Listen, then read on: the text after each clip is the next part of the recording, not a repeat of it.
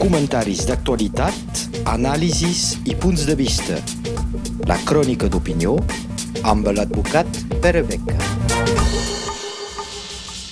Tenim amb nosaltres eh, Pere Beca, bon dia. Bon dia. Avui parlarem de l'actualitat eh, esportiva, en particular de l'USAP. Ens interessem al fet que és que l'USAP, el top 14, s'ha acabat. Mai es pot dir abans del final, eh, mai es perd totalment l'esperança, però mm, matemàticament l'USAP no és condemnada a baixar a segona, però molt probablement sí, perquè eh, uniran a buscar els punts que falten, llavors que han de venir a Perpinyà els més grossos, Tolosa i París, que són primers i segons de la Lliga, i que eh, la dificultat cada vegada és eh, més important eh, respecte a tota una sèrie de causes. Per què no hi arribem a llavors que eh, pobles més petits com Bayona o com Brive no ho estan fent? Hi ha tota una sèrie de causes. Hi ha unes causes immediates. Lesions, Tristan Teder, Oviedo, que són els millors jugadors en aquests moments, o els càstigs, ACBs, el propi capità, amb targeta i, i segurament una condenació llarga. Una sèrie de males jugades que potser són conseqüències també de la falta de concentració o de la falta de grans jugadors, indisciplina indiscutible.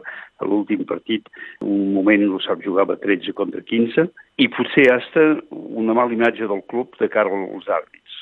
Això són les causes immediates evidents. Causes medianes. Cada any perdem els millors jugadors. L'any passat, Jaminet, que està a Tolosa. L'any d'abans, el Rossell i el Walker, que estan a, a Bordeus i a Casses. I l'any encara abans, el Ferreta, que està a Montpellier. I fins al final, si mires el que està fent Bayona, el Camí eh, López, que era un jugador de l'USAP i que quan va deixar d'anar a Clermont no va venir a l'USAP, sinó que se'n va anar cap a Bayona i que és ell que els està mantinguent. Evidentment que eh, aquesta feina considerable de formació es va esgotant perquè més eh, es veu que jugadors se'n van i més hi ha tendència per falta d'estructures que jugadors o no vinguin o marxin. I després hi ha causes més profundes. Una d'aquestes és la pròpia estructura del capital, ho sap. En aquests moments hi ha un president que indiscutiblement quan va arribar fa 7 o 8 anys va ser el que va salvar el club perquè el club estava quasi en cessat eh, a nivell financer, va portar els diners i a diferents vegades n'ha portat, però això no, no és sa d'alguna manera, perquè per part, com és propietari governa sol, té consells, però governa sol, li falten apoyos, li falten recursos, que les relacions que poden haver-hi amb l'estructura, entre l'estructura professional i l'estructura de formació, el centre de formació, que està manejat per l'associació, pel propi Axel Barrière, també no són bones, no són fluides com haurien de ser i com són amb altres grups. I també hi ha la problemàtica més àmplia de la eh, política dels poders públics amb els clubs. Mireu què passa al País Basc. Tot el País Basc està darrere de Bayona. És Bayona País Basc. Aquí no som un sap país català. Només la ciutat ajuda. No ajuda el, el conjunt de municipis, la comunitat de municipis. I amb Perpinyà, la seva nova composició política, Perpinyà la radiant, doncs eh, falten i la identitat i els recursos per muntar les estructures com ara un centre de formació digne. Tot això per dir que eh, és un mal puntual, però també un mal profund i que hi haurà conseqüències a llarg termini. És que és també un mal greu i durable. Doncs probablement sí. Probablement sí, perquè l'esport en general, i més especialment el rugby actualment, està pensat a nivell nacional com un espectacle.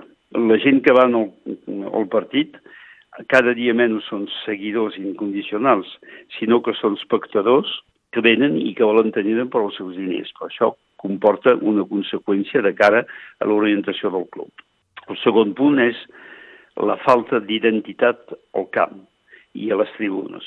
És evident que quan en llocs més eh, petits, com ara Brive, com ara Oyonnax a segona, la gent s'identifica molt als jugadors, és més difícil per nosaltres d'identificar-nos amb un equip amb jugadors molt bons, però vinguts de l'altre cap del món, amb altres preocupacions i que, evidentment, actualment deuen sobretot pensar com salvar-se la seva pròpia carrera o el seu propi futur, el que és normal, jo no els condeno.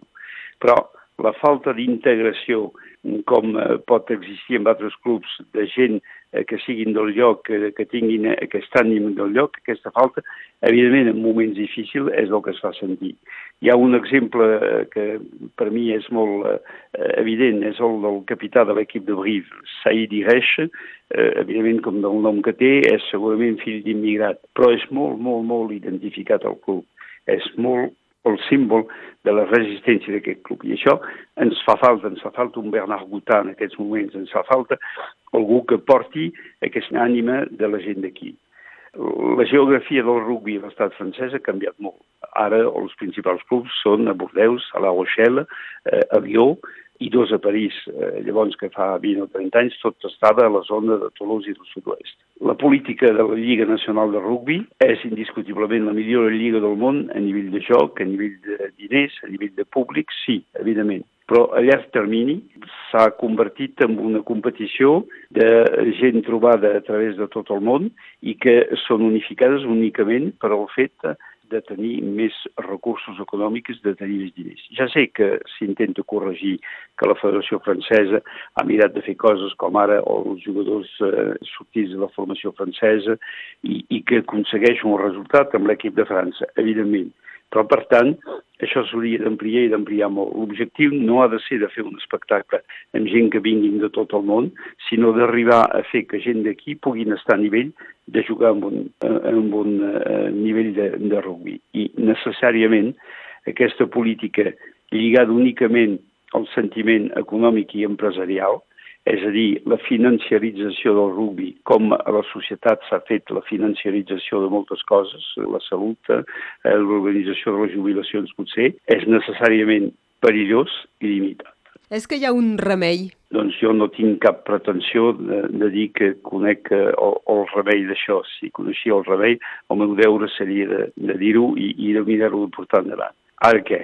Mm, algunes coses que es feien i que potser eh, no es fan s'ha somiat molt l'esquema de convertir l'USAP entre eh, l'equip de Catalunya treballant amb el sud. S'havia fet en un moment determinat, els anys 2005-2008, a l'era Pujol, a l'era que TV3 estava present aquí. Però tampoc correspon exactament a la situació actual.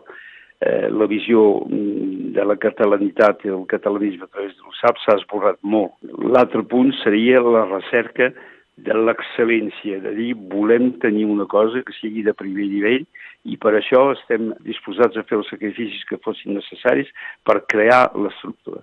Però ja veiem que com es porta la política global a Perpinyà i fins i tot al departament, és a dir, molta política de comunicació i no de buscar excel·lència, eh, molta política que té per resultats de fer que els eh, eh, millors mm, se'n van. No sé si aquest estiu a les manifestacions de la de Ferlantes tindrem els millors artistes o potser els artistes que acceptin de venir a jugar només per condicions de, de, de diners. És, és això el problema. El problema és la desnaturació de la nostra identitat de catalans al nord. Hem deixat de ser catalans de primera, i ens hem convertit en occitans i necessàriament de segona o de tercera després de Tolosa i de Montpellier. I hem deixat de ser catalans com tal per ser radiants.